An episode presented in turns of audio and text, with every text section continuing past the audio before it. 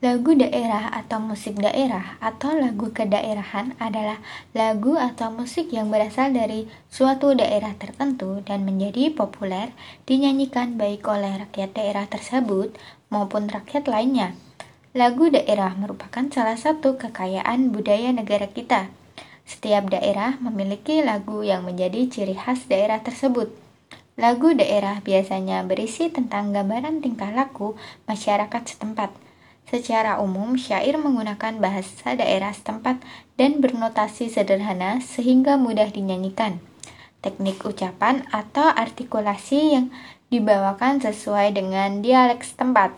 Kadang maksud dan tujuan syairnya sulit dipahami oleh orang yang berasal dari daerah lain. Ada lagu daerah yang diketahui nama komponisnya, namun juga banyak yang tidak diketahui.